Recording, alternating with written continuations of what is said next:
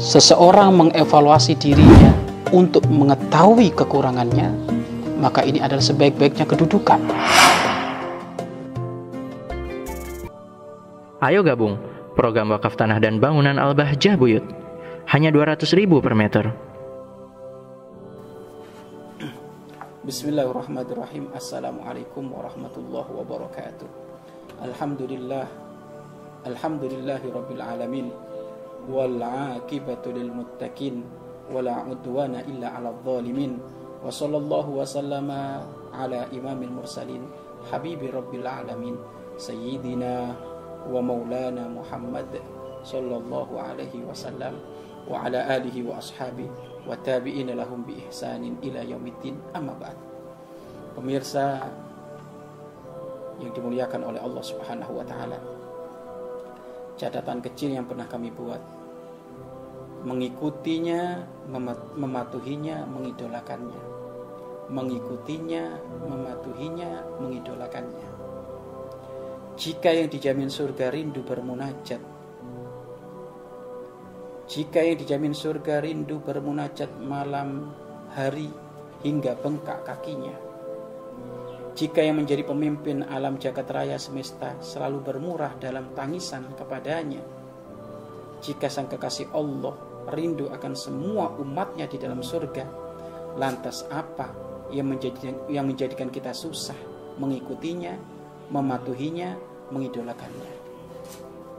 Kita harus tahu siapa yang harus kita ikuti. Kita harus tahu siapa yang harus kita patuhi. Kita harus tahu siapa yang harus kita idolakan. Tiada lain kecuali baginda agung Nabi Muhammad SAW. Itu suri tauladan kita. Beliau panutan kita. Beliau idola kita. Jika baginda agung Nabi Muhammad SAW yang dijamin ahli surga tidak pernah absen di dalam bangun malam, rindu umatnya semuanya masuk surga. Begitu dahsyat pengorbanannya untuk umatnya. Lalu sebab apa yang menjadikan kita susah untuk mencintai beliau? Jangan-jangan ada kemunafikan di dalam hati kita. Jangan-jangan ada benih, benih hawa nafsu, kebejatan di dalam hati kita. Sehingga kita susah mencintai Rasulullah SAW.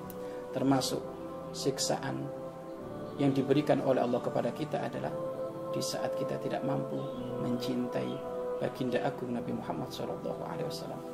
Orang kafir saja, jika dia membuka pintu hatinya, maka dia akan ngerti begitu mulia akhlak Rasulullah, begitu agung baginda Nabi Muhammad Sallallahu Alaihi Wasallam. Maka ayo kita teladani baginda Rasul Sallallahu Alaihi Wasallam. Rindulah bangun malam.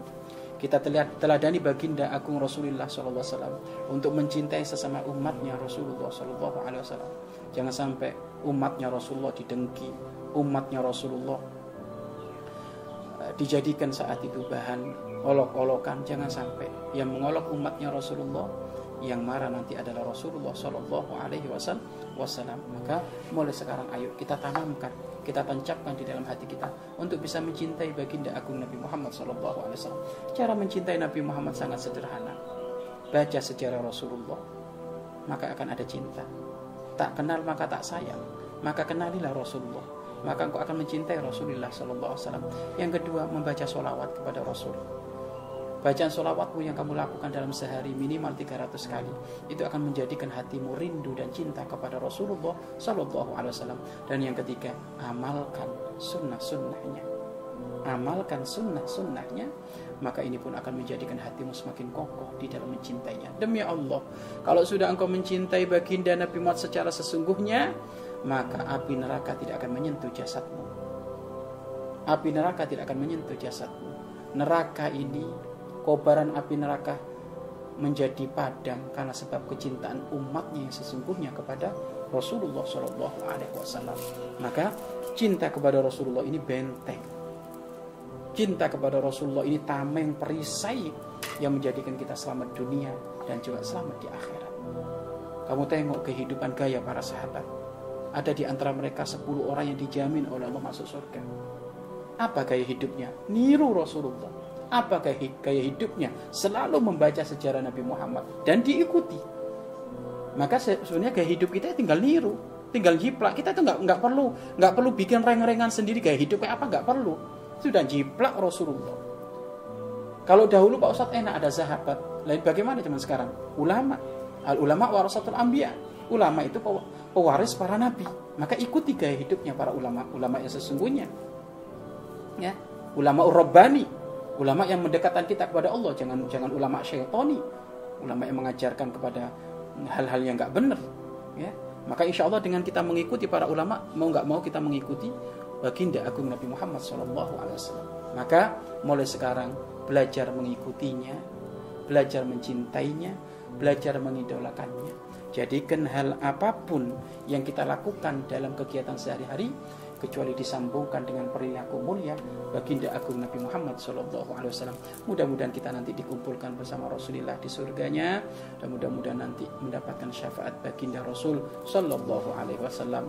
Wallahu a'lam Mari berinfak untuk operasional lembaga pengembangan dakwah Bahjah Buyut.